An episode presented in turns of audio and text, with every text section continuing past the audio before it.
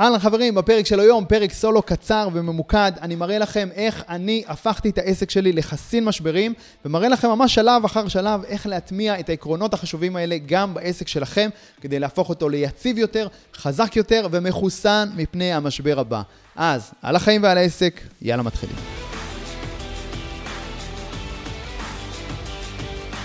אז איך הפכתי את העסק שלי לחסין משברים, ואיך גם אתם יכולים לעשות את זה בעסק שלכם. כדי לשים את, הפרס, את הפרק הזה בפרספקטיבה נכונה, תדעו שאני מקליט אותו עכשיו בסוף ינואר 2024, ואנחנו בעיצומה של מלחמת חרבות ברזל כאן בישראל, עם כל המשמעות של זה אה, גם על בעלי העסקים, עלינו בעלי העסקים. ואני חוזר במחשבה שלי אה, למשבר הקורונה, כשמשבר הקורונה התחיל, לפני כמעט ארבע שנים, מהרגע שאני מקליט את הפרק הזה, אה, העסק שלי, עסק, היה עסק ללימוד גיטרה, כן? אתם יכולים לשמוע בפרק אחד את כל הסיפור, מי שרוצה, בפרק הראשון של הפודקאסט הזה, אבל בגדול, זה היה עסק ללימוד גיטרה, 100% פרונטלי, וכמו רוב העסקים שהיו 100% פרונטליים עד הקורונה, כשהגיעה הקורונה, העסק הזה פשוט קרס ברגע אחד והתמוטט. ואני הפקתי הרבה מאוד לקחים מהמשבר הזה, וביצעתי כמה פעולות קריטיות בעסק שלי, שהפכו אותו מאז ועד היום לחסין משברים. והיום בתקופה של המלחמה אני ממש מרגיש את זה, איך הפעולות שייצרתי אז, מ-2020 ועד היום, בעצם הפכו את העסק הזה לחסין משברים, ואת המשבר של המלחמה הזאת, כמובן, הרגשתי כמו שכל בעלי העסקים הרגישו, אבל הרבה פחות אה, אולי מעסקים אחרים. ו- ובטח הרבה פחות ממה שקרה לי בקורונה, פה לא הייתה עכשיו שום סכנה של קריסה או של סגירה של העסק. עכשיו אני רוצה פשוט לחזור איתכם על הפעולות שהופכות כל עסק ל... בוא נגיד חסין משברים, אבל בוודאות הרבה הרבה יותר בטוח ויציב, אוקיי? קחו מפה מה שאתם רוצים, אלה הפעולות שאני ביצעתי. אה, אה, כמובן, אה, קחו ממה שאתם רוצים, מה שמתאים לכם להטמעה אצלכם בעסק. אז... הדבר הראשון, כשאני מדבר על עסק יציב וחסין משברים, הדבר הראשון שאני רוצה לייצר זה מגוון של מקורות הכנסה, אוקיי? כי אם, למה, למה זה כל כך חשוב, מגוון מקורות הכנסה? קודם כל, כי אם כל הביצים שלנו אה, נמצאים ב, נמצאות בסל אחד, וקורה משהו, ותמיד יכול לקרות משהו לא צפוי, כן? תראו מה קרה בשנים האחרונות, חווינו פה מגפה עולמית הזויה, חווינו אה, מלחמות, משברים פוליטיים, תמיד יש משהו שיכול לקרות, שאפילו לא קרה ב, אה, ב, בתקופת חיינו, אוקיי? כמו האירועים של 7 לאוקטובר, או כמו הקורונה, זה דברים שלא קרו בתקופת חיינו, ולכן הם כל כך מפתיעים אותנו ותפסו אותנו כל כך לא מוכנים ובצורה כל כך לא צפויה. אבל, שוב, אנחנו צריכים להיות מוכנים לאפשרות שיקרו דברים לא צפויים, שיקרו דברים שאנחנו לא חווינו במהלך חיינו ואנחנו לא בהכרח נדע איך להתמודד איתם. אז הדבר הראשון, שוב, זה כמובן מקורות הכנסה, כי אם סיטואציה כזאת שקורה משהו, כל הביצים שלי נמצאות בסל אחד, קורה משהו, עכשיו הסל נפל, כל הביצים נשברו, ואין לי אפיקי הכנסה, אין לי אפיקי פרנסה, וזה מייצר המון המון לחץ. אז קודם כל אנחנו רוצים לייצר לעצמנו מגוון. עכשיו, זה יכול להיות מגוון של מוצרים שונים, של הצעות שונות, של uh, משפחי שיווק שונים, של מעמדי uh, מכירה שונים, אוקיי? זה יכול להיות מגוון של כמה uh, uh, אבטרים, כמה לקוחות אידיאליים שונים והצעה שונה שמותאמת לכל אבטר, לכל לקוח אידיאלי כזה, כן? כל זה במסגרת עסק אחד. מה שעוד אפשר לעשות זה לייצר מגוון מקורות הכנסה שלא תלויים רק באותו עסק. זאת אומרת, לפתוח עוד כמה עסקים נוספים במקביל, כן?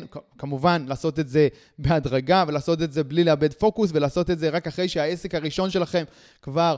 אה, יש בו סיסטמים ויש בו נהלים ויש בו צוות והדברים שם יכולים לקרות ונתנהל בצורה מאוד מאוד טובה, גם בלי הפוקוס שלכם ובלי הנוכחות היומיומית שלכם, רק אז זה הזמן אה, לפתוח עוד עסק, כן? אתם יכולים לחזור לפרק 43, אני מדבר שם עם מיכאל מלמדו, אבל מתי ואיך עושים את המעבר מעסק אחד לכמה עסקים במקביל, אוקיי? אז בטח לא ללכת ולהתפזר סתם. אבל אה, גם בתוך, אז אם אתם מוכנים לשלב הבא, כן, אז עוד עסק בתחום אחר, בעולם אחר, עם קהל אחר, ייתן לכם בוודאות עוד איזושהי יציבות, כי למשל היום יש לי שלושה עסקים, יש לי את הבית ספר אה, אה, ללימוד גיטרה, זה נקרא לנגן גיטרה בחמישה שבועות, ויש לי חברה של סדנאות לארגונים.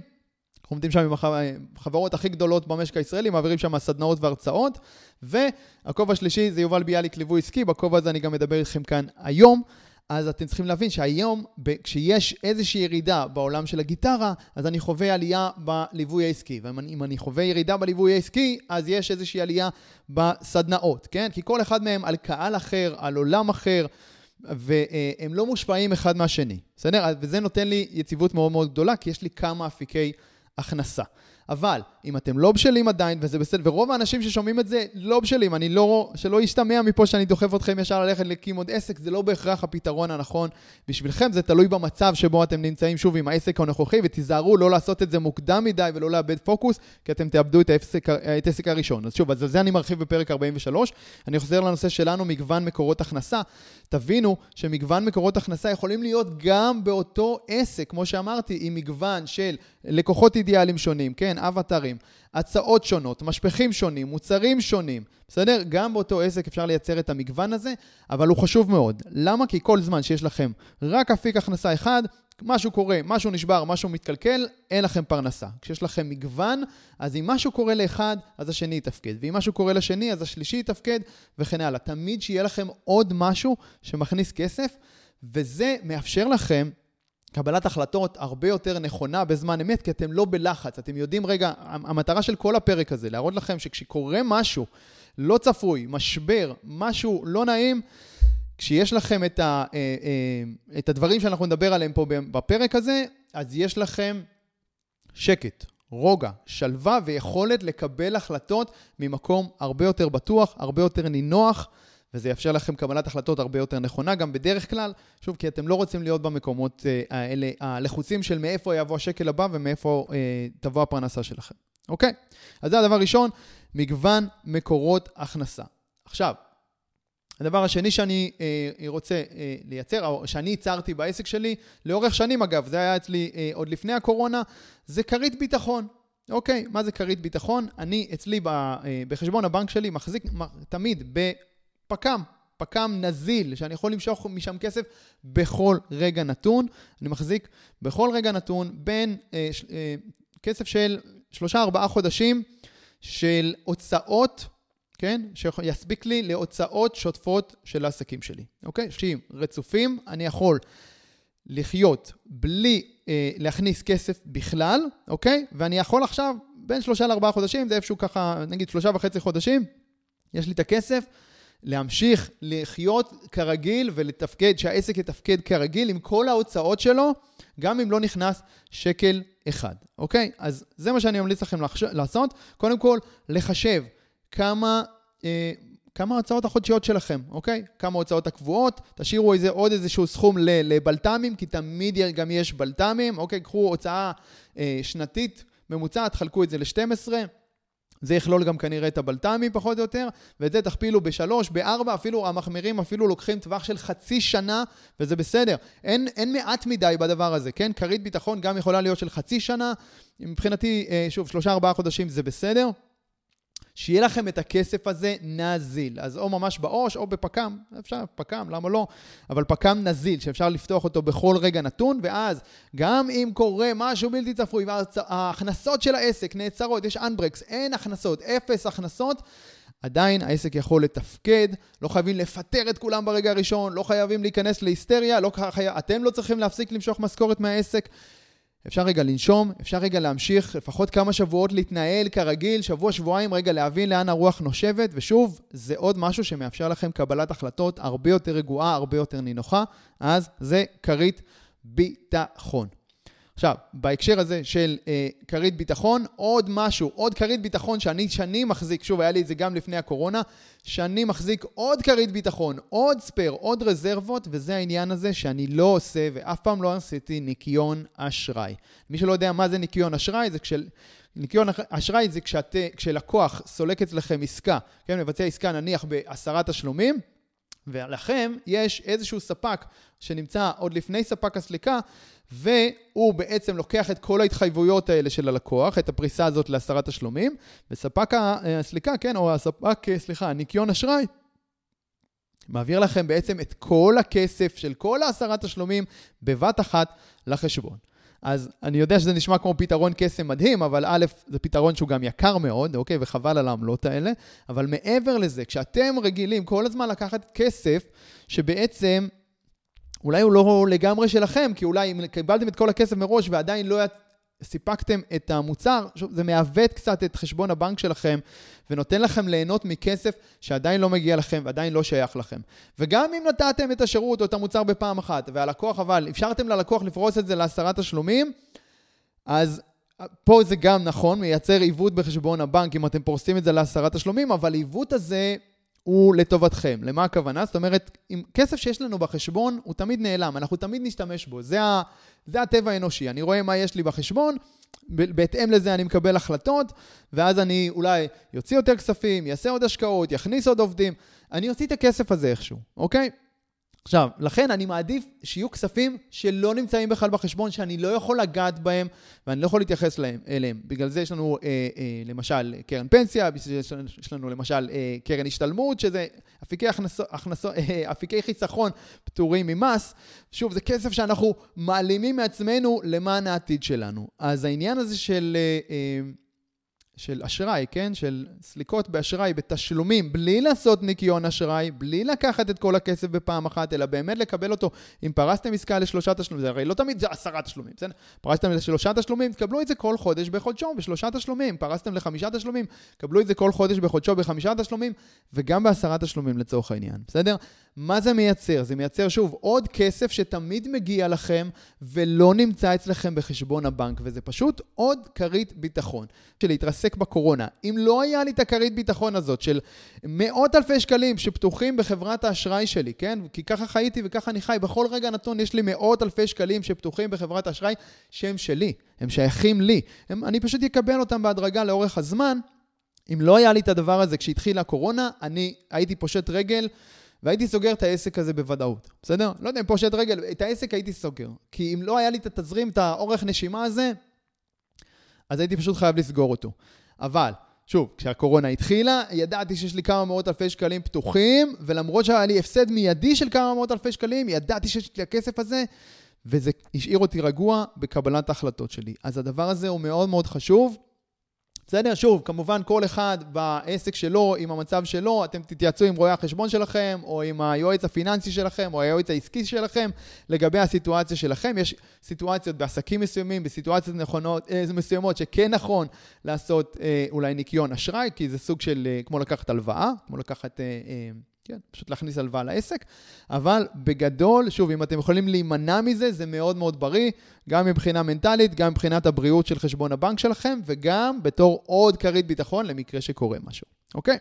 והדבר הרביעי, והאחרון שאני ממליץ לכם לעשות בהקשר של התנהלות פיננסית אצלכם בעסק, כהכנה לעסק חסין משברים, זה מבחינת הרגלי הקנייה, הרגלי הרכישה שלכם. כשאתם רוכשים דברים, תקנו רק דברים שאתם באמת יכולים לעמוד בהם. אוקיי? דיברנו עכשיו מהצד השני של איך זה נראית חלוקת אה, תשלומים, מהצד של בעל העסק. בואו נדבר על איך, זה, אה, איך נראית חלוקה לתשלומים, או פריסה לתשלומים, כשאתם אלה שקונים משהו. זה מייצר, כשאתם קונים עכשיו משהו שאין לכם את היכולת כרגע מחשבון הבנק לשלם עליו, אוקיי? אתם פורסים אותו להרבה מאוד תשלומים, זה מייצר עיוות מאוד מאוד רציני בחשבון הבנק שלכם, ועכשיו אתם מסתכלים על חשבון הבנק ואומרים, וואי, יש לי אחלה כסף פה, הכל בסדר, אבל אתם לא מודעים לכל ההתחייבויות שכבר פיזרתם בכרטיסי האשראי שלכם, שהכספים האלה ימשיכו לרדת כל חודש, וכל חודש שוב ושוב ושוב ושוב, עד שתגמרו את כל העסקה. אם פרסתם להרבה מאוד תשלומים, אז זה ייגמר בעוד הרבה זמן, ואתם לא רואים בחשבון את כל ההתחייבויות קדימה. ואז, שוב, זה מייצר עיוות, זה מי... גורם לכם לבזבז אולי כספים שאין לכם, אוקיי? ואם יקרה משבר ואתם ממונפים מדי ובזבזתם כספים שלא שייכים לכם, פרסתם, קניתם יותר מדי דברים, פרסתם אותם לתשלומים, אמרתם יהיה בסדר, ופתאום אין הכנסות, פתאום קורה משהו, אתם בבעיה מאוד מאוד גדולה, יש לכם כבר חובות. מעבר לזה שלא נכנס כסף, אתם בחובות, כי בניתם על זה שייכנס כסף ותוכלו לעמוד בכל התשלומים האלה, ובסוף זה לא קרה. אז תקנו רק דברים שאתם באמת יכולים להרשות לעצמכם, באמת יכולים לעמוד בהם. פריסה, בוא נגיד לשלושה, ארבעה תשלומים, זה איכשהו סביר, אבל תנסו להימנע מ-10, 12, או בטח מעסקאות כאלה של 3, 4, 5 שנים, כן? של פריסה ל-60 תשלומים, או כל מיני דברים כאלה הזויים. תקנו דברים שאתם יכולים להרשות לעצמכם, אוקיי? ושוב, גם כאן אני מסייג את זה, זה תלוי בסוג העסק, זה תלוי במצב העסק, בסדר? שוב, הלוואות והשקעות ומינופים זה כן דבר שהוא טוב ונכון לעשות בעסק. תלוי בשלב שלו, תלוי במצב שלו, תתייעצו עם הרואה חשבון שלכם, תתייעצו עם היועץ העסקי או היועץ הפיננסי שלכם, שוב, כל דבר כזה דורש התאמה, אבל ככלל אצבע, שוב, אני ממליץ לקנות רק דברים שאתם יכולים לעמוד בהם. עכשיו, אם אתם תטמי... כן? כי ב... למה, למה עשיתי את הסיוג הזה? כי כן, כי בסופו של דבר מינוף...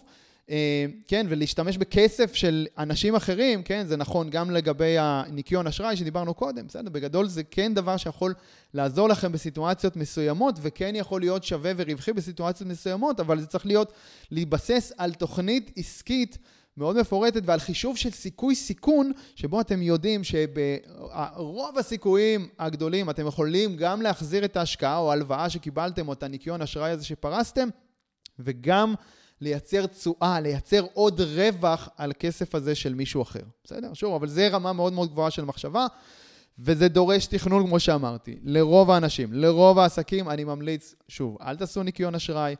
אל תקנו דברים, אה, אל תקפצו מעל הפופיק ותקנו דברים שאתם לא יכולים לעמוד בהם. תשאירו לעצמכם תמיד כרית ביטחון של לפחות 3-4 חודשים של הוצאות שוטפות של העסק. גם אם לא ייכנס שקל, תוכלו להמשיך לתפעל את העסק אה, באופן קבוע, ותייצרו לעצמכם מגוון של מקורות הכנסה. כל אלה ייתנו לכם שקט, ייתנו לכם יציבות, ייתנו לכם ביטחון, ייתנו לכם עסק חסין משברים. אז עכשיו, לכו ליישם, תבחרו משהו מפה, אני ממליץ את הכל, לכו ליישם ולהטמיע גם בעסקים שלכם. אוקיי חברים, מקווה שנהניתם מהפרק וקיבלתם ערך. אם קיבלתם ערך, לא לשכוח לדרג את הפודקאסט הזה בחמישה כוכבים בפלטפורמה שבה אתם מאזינים כרגע. לעוד טיפים אישיים ממני והצצות לחיים האישיים שלי, תעקבו באינסטגרם, יובל ביאליק, ונתראה בפרק הבא.